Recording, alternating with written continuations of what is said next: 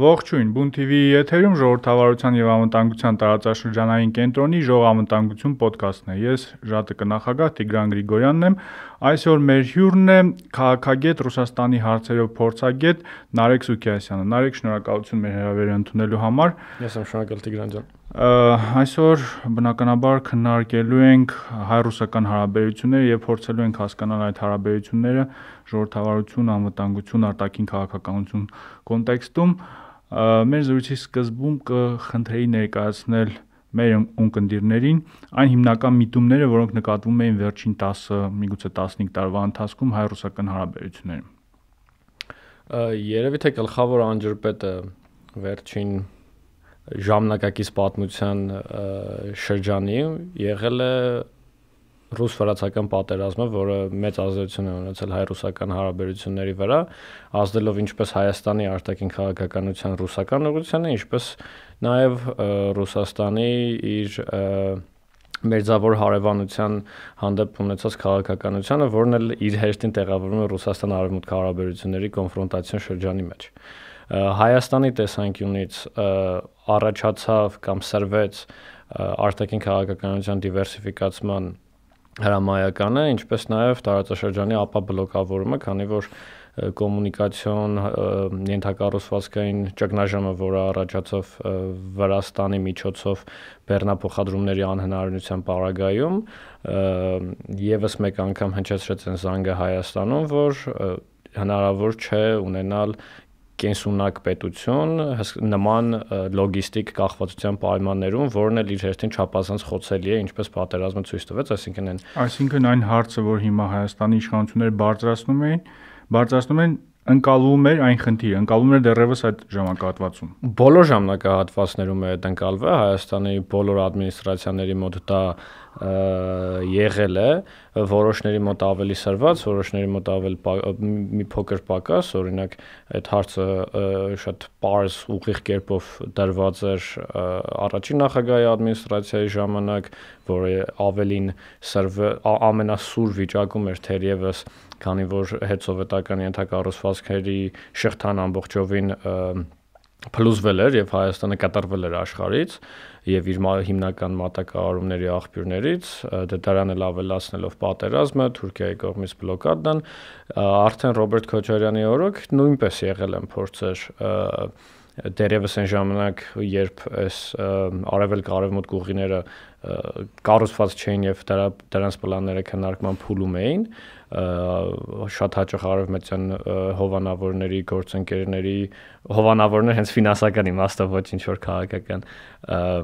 աջակցությամբ այդ ժամանակ քննարկում էր Հայաստանի մասնակցությունը, որովհետև դեռևս էս Բաքու Թբիլիսի կար չէ, ան դրանք կառուցված չէին, քննարկում էր Նաբուկոն ու առաջարկներ եղել են նաև Հայաստանին, որpիսի այդ ենթակառուցվածքները անցնեն Հայաստանով, սակայն հաշվի առնելով հայ-ադրբեջանական Լեռնային Ղարաբաղի չլուծված հակամարտությունը դրանք տեղի չեն ունեցել եւ եղել են փորձեր այդ կարգավորման process-ը արագացնելու, որpիսի այդ ենթակառուցվածքներից կարողանա Հայաստանը օգտվի կամ նաեւ օգտվեն են բոլոր միուշահառուները, որոնք հետաքրքրված են, բայց դրանք հաջողությամբ չեն մատնվել ու այն տնտեսական աճը կամ այդ տնտեսական աճի խապկանքը, որը կար Հայաստանում 2000-ականներին, կարծես թե ստեղծում էր Հայաստանի արտաքին քաղաքականության մեջ այն պատկերացումը, որ այսպես էլ ված չի։ Մենք այն այն հորոտեսական կանխատեսումները, որ Հայաստանը չի կարող գոյություն ունենալ նման բլոկադայի պայմաններում կամ գրանցել տնտեսական զարգացում, ցույց տվեցին այդ ժամանակ որոշում կայացնողներին, որ այդքան էլ այդպես չի։ Իհարկե հետո ֆինանսական գլոբալ ճգնաժամը 2008 թվականներին ցույց տվեց, որ այդ հաշվարկները սին էին, որովհետև տնտեսական փուչիկը, որ կար Հայաստանում, այնպես պայթեց, որ Հայաստանը ունեցավ ՀՆԱ-ի աշխարհում ամենամեծ 14-15% ամենամեծ անկումներից մեկը ու տեսեք այդ ժամանակ այդ ֆինանսական տնտեսական գլոբալ ճգնաժամը եւ ռուս-վրացական պատերազմի պատճառով Հայաստանի եւս այլ խոցելիությունների դուրս բերումը հսկայական շոկ էր արտաքին քաղաքական որոշում կայացնողների համար հասկանալ որ դա պետք է պետք է բացվի վերադառնալով մի քիչ շեղվեցինք վերադառնալով հայ-ռուսական հարաբերություններին սա հայ-ռուսական հարաբերությունների համար նշանակում էր ուղիղ դիվերսիֆիկացում եւ ռուսաստանից կախվածության նվազեցում իսկ եթե գանք նաեւ արդեն նրան թե ինչու են գլխավորապես ռուսական զինվորականները ռուսական ռազմաբազան տեղակայված Հայաստանում դա տեղի ունեցել Արցախյան պատերազմի շրջանում, երբ Թուրքիան մտադրություն հայտնեց ուղիղ միջամտել պատերազմին կամ պատերազմել Հայաստանի դեմ ու ռուսական զինված ուժերը իրենք չէին էլ գնացել, չհայ ոչ թե հայտնվեցին այստեղ, այդ Հայաստանը ուներ դերևս սովետական միությունից մնացած ռազմաբազաներ, գնաց այլ ճանապարհով քան Ադրբեջանը, Ադրբեջանը պարզապես ազգայնացրեց դրանք այնտեղ նաև եթե կարդում ենք ռուս զինվորականների շոուությունը, ասում են ազգայնացնելու բանը չկար, բոլորը գողացել էին արդեն։ Այդ տարածքներ զուտ թղթաբանությունն էին անում, հա։ Հայաստանում դրանց տրվեց ռազմաբազայի կարգավիճակ, որովհետև անհրաժեշտ էր զսպիչ ռուսական դրոշի գործոնը ունենալ այդ պայն Հայաստանում։ Իսկ եթե դա է եղել մեկնարկը կամ գլխավոր առիթը տարամաբանությունը անվտանգության ճարտարապետությունը, թե ինչու պետք է լինեն այստեղ ռուսական զինվորականներ, ռուսական ռազմական ներկայություն, դա Թուրքիայի սպառնալիքներ առաջին հերթին, ոչ թե Ադրբեջանի։ Իսկ եթե Հայաստանը գնում է կարգավորման, ռուս հայ-թուրքական հարաբերությունները, ապա նվազում է ռուսական ռազմական ներկայության անհրաժեշտությունը։ Սա նաև շատ լավ հասկանում են արևմուտքում եւ մասնավորապես ԱՄՆ-ում, ինչը էլ բացատրում է այն, թե ինչու է ԱՄՆ-ը միշտ հանդես եկել որպես հայ-թուրքական հարաբերությունների կարգավորման գլխավոր գործոն։ Ռուսաստանի կամ նախաձեռնող Ռուսաստանի արտաքին քաղաքականությունը փոխվում է մի փոքր այլ կերպ։ Այնտեղ գլխավոր շարժիչ ուժը կամ գործոնը դա արևմուտքի հետ կոնֆրոնտացիոն հարաբերությունների սրման այդ պարադիգման է ինչը տեղավորվում է Ռուսաստանի գլոբալ ամբիցիաների մեջ, որը 2000-ականների վերջից առնվազն ավելի էքսպլիսիտ, ավելի բաց են դառնում։ Երբ Ռուսաստանը, որը կառուցվածքային չափանիշներով չի համարվում գլոբալ տերություն, միգուցե մի քանի գործոններով, մի քանի կրիտերիաներով, ռազմական, հիդրոկարբոն, աշխարհագրական տարածք, բաների միջավայրի այլ դերակատարների կողմից նման ընդունելություն, այսինքն այդ ստատուսը երկու կողմերի կողմից էլ ընդունվում է, ինչը մեզ տանում է Ռուսաստանին G8-ի մեջ ներառելը, հա, կամ պահպանում է Ռուսաստանի աթոռի անվտանգության խորհրդում որպես ԽՍՀՄ իրավահաջորդ, ստեղծում է ակնկալիքների եւ կարողությունների միջև բաց այն ինչը Ռուսաստանը կարող է իրականացնել իր արտաքին հարաբերությունների մեջ ու այն ինչ ամբիցիա ունի ինքը։ Քանի որ ամբիցիան գլոբալ է, բայց կարողությունները տարածաշրջանային, իսկ ամբիցիան այն է, ինչին հետևում են որոշում կայացնողները եւ քաղաքական գործիչները, ապա այդ տարածաշրջանային մակարդակում առաջանում է վակուում, որովհետեւ անհրաժեշտ կամ բավարար չափով թե դիվանագիտական, թե տնտեսական ու քաղաքականության բոլոր ուղղություններով, հա, անհրաժեշտ ջանքեր չեն գործադրվում այդ մերձավոր հարևանությունում, որը այսպես թե այնպես Ռուսաստանը համարում է իր էքսկլյուզիվ պրիվիլեգիաների գոտի, հա, բայց այդ դնում է արտաքին քաղաքականությանը կարծես էս ապահով ինչ որ փուչիկի վրա, որը չի դնում պարտադրանք կամ չի ցույց տալիս անհրաժեշտությունը որոշում կայացնողների մոտ, որ դրանց հետ պետք է աշխատել։ Այսինքն այդ այդ մեր տունը չի, որ ինչ էլ անենք կամ չանենք, այնտեղ մեր շահերը ապահով են։ Դրա պատճառով էլ այդ արևելյան Եվրոպայի հետ սովետական երկրները կամ հարավային Կովկաս, ինչու՞ չէ նաև կենտրոնական Ասիայի սովորաբար ոչ սովորաբար ավելի հազվադեպ, բայց քաղաքագետները ասում են մոխրագույն գոտի, հա, որ մոխրագույն գոտին այդ վակուումային գոտին է, որ ինքը հայտարարում է, բայց հայտարարում է, որ իր էքսկլյուզիվ գոտին է, բայց անհրաժեշտ ջանքեր չի գործադրում այդտեղ ու այդ վակուումը, ինչպես գիտենք, անվտանգության մեջ կամ միջազգային հարաբերություններում երբեք դատարկ չի մնում։ Դա փորձվելու է լծվել ու այստեղ է որ գալիս է արևմուտքի ու Ռուսաստանի կոնֆրոնտացիան, որովհետև արևմուտքը լինի դա Ռուսաստանին բոլոր կողմերից զսպելու հրամայականով թե զուտ իր հարևանություն հարևանությունում ստաբիլության գոտիներ ստեղծելու կարիքով պայմանավորված փորձում է իր ներկայությունը նույնպես ապահովել այստեղ ու հենց այս պրիզմայով է որ Ռուսաստանը դիտում է այս մոխրագույն գոտու ճակերտավոր երկրների քաղաքականությունը, որոնք երբ փորձում են դիվերսիֆիկացնել իրենց արտաքին քաղաքականությունը Մոսկվայում դա անցալվում է որպես իր տան անդամի կողմից ինչ որ անընդունելի վարկի դրսևորում։ Այո, հիմա փորձենք հասկանալ, թե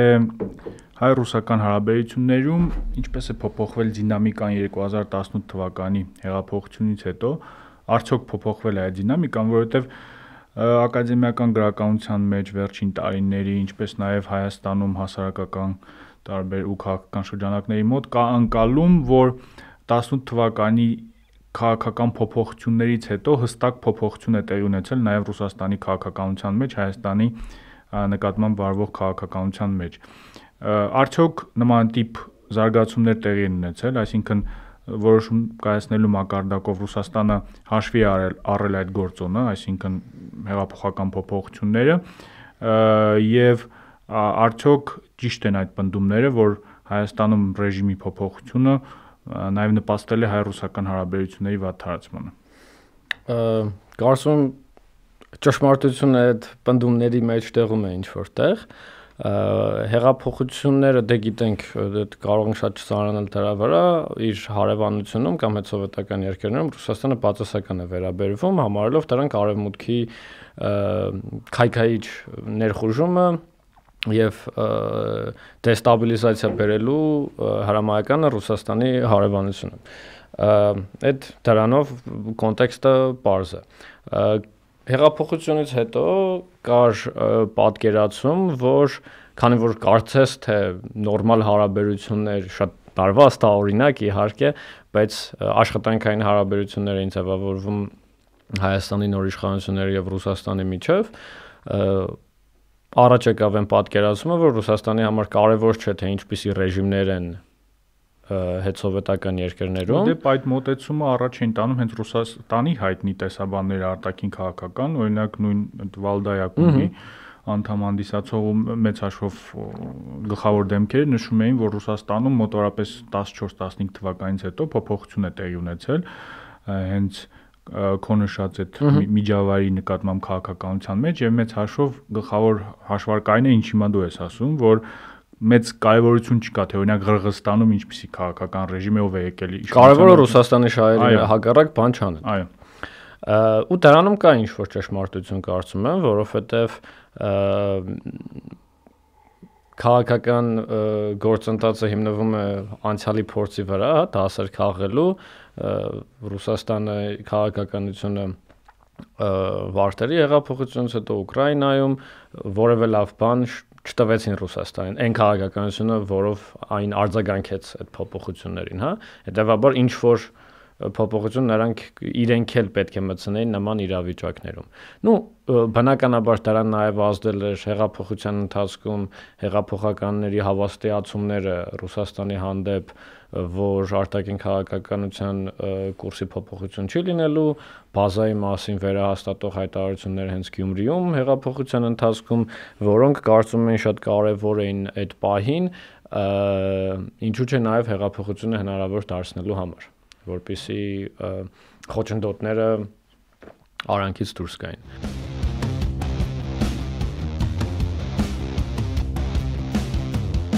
Անկամ այս պարագայում խորը անվստահությունը կար ու երկկողմանի ոչ միայն Ռուսաստանից Հայաստանի նկատմամբ, այլ նաև Հայաստանից Ռուսաստանի նկատմամբ կարող ենք պարզապես կարդալ հեղափոխական էլ նաև նույն վարչապետի հայտարարությունները դրանից մի քանի տարի առաջ, որ Ռուսաստանին մեղադրում էր, երբ ռազմական պայմանագիր էին կնքում, որում կար նաև կետ հակաօթային հակաօթային պաշտպանությունից բացի այնտեղ կար հետախուզական տվյալների փոխանակման մասին կետ Նիկոլ Փաշինյանը ազգային ժողովի լսումների ժամանակ ասում ինչու ենք սա անում որ վերցնի տա Ադրբեջանին, հա, մեր հետախուզական տվյալ, այսինքն խորը անվստահություն կար, հա։ Սա ինչպես արտահայտվեց։ Այն մղումը, որ ուներ հեղափոխական էս էլիտան ինքնավարության մակարդակի մեծացման, իսկ ինքնավարության մակարդակի մեծացման կոնտեքստում հասկանում ենք Ռուսաստանից անկախության կրճատումը, բերում էր ինչ որ հանրային քայլերի, որոնք դեկլարատիվ ինքնավարության տպավորություն էին թողնում, այսինքն Վլադիմիր Պուտինի կողքը կանգնած խոսել Հայաստանի ինքնիշխանության, սուվերենության միմյանց գործերի մեջ չխառնվել, մասն ինչը բնական թե համանարության, թե միջազգային իրավունքի նորմեր են, բայց անթակույց էր այդ ամեն ինչի դեկլարատիվ ու միտումնավոր բնույթը, հա, եթե կարելի է ասել, որոնք ստեղծում են խորացնում էին փոխադարձ ան ան ան անվստահությունը միմյանց մեջ, հատկապես Ռուսաստանի անվստահությունը հայկական նոր իշխանությունների հանդեպ, դա արդեն հետհեղափոխական էլիտան հասկանալով գնում էր դրանք փարատելու համար գնում էր ավելի պրոռուսական քայլերի որպիսի ցույց տա որ չէ մենք ոչ միտեղ չենք ուզում գնալ Սիրիա զորք ուղարկել է դա երբ է տեղի ունենում սեպտեմբերին 10 դա տեղի ունենում մի քանի օր հետո Ռոբերտ Քոչարյանի ձերբակալումից հետո երբ հիշում եք այդ հարցազրույցը, որ Լավրովը իր կաբինետում ասում է, որ անհանգստացնում են այդ իր մեզ անհանգստացնում են Հայաստանի այդ քաղաքական զարգացումները ու Նիկոլ Փաշինյանը այդ ինքնիշխանության լեգիտիմությունը ցուցադրելու համար հրավիրում է հանրապետության հրապարակում, երբ ու այնտեղ խոսում է Ռուսաստանի հետ հարաբերությունների մասին ու հայտարարում, որ մենք աննախադեպ քայլ ենք անելու այդ ուղղության մեջ, որը հենց Սիրիա զորք ուղարկել։ Այսինքն այս զուտ ուղակի լավ օրինակ է, չեմ ժամանակ է խնայելու համար չեմ ուզենա շատ օրինակների վրա գնալ, բայց օրինաչափությունը հետեւյալն է։ Այդ ինքնավարություն մեծացման ցեկտումով անել քայլեր, որոնք առաջացնում են անվստահություն Մոսկվայում քո իշխանության նկատմամբ, դրանք փարատելու համար գնալ ել ավելի պրոռուսական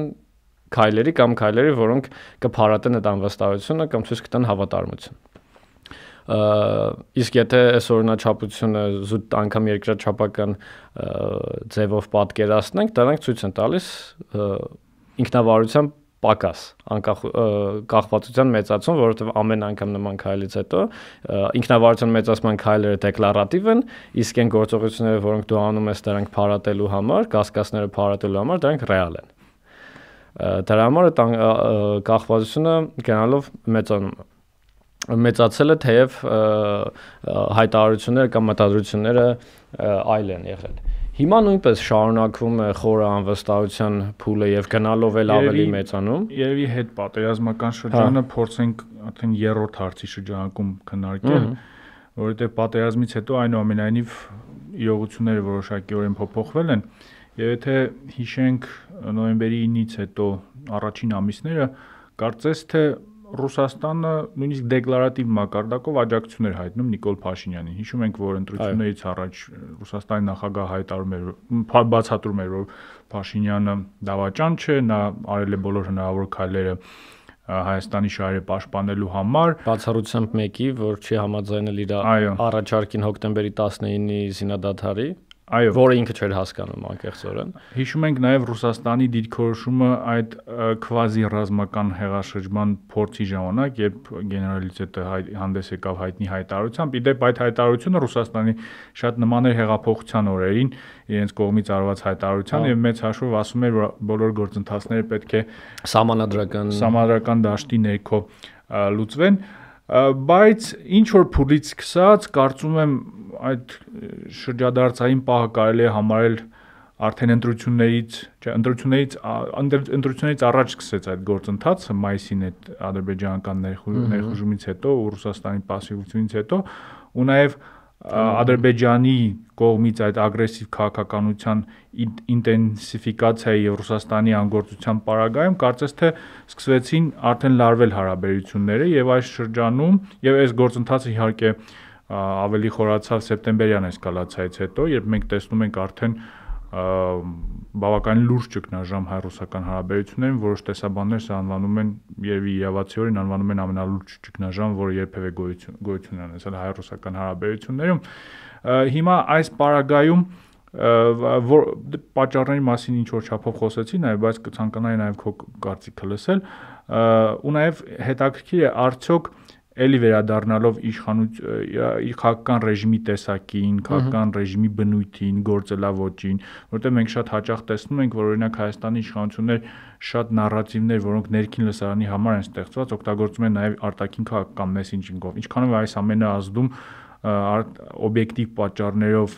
գոյություն ունեցող ճգնաժամի խորացմանը ու այդ թյուր ընկալումների եւս խորացմանը Կարծում համաձայն եմ քո վերլուծության հետ հետ պատերազմային շրջանում աջակցության, ինչպես նաև լարվածության մեծացման հենց ադրբեջանական օկուպացիոն գործողությունների արդյունքում ու նաև դրան հաջորդած հիմնական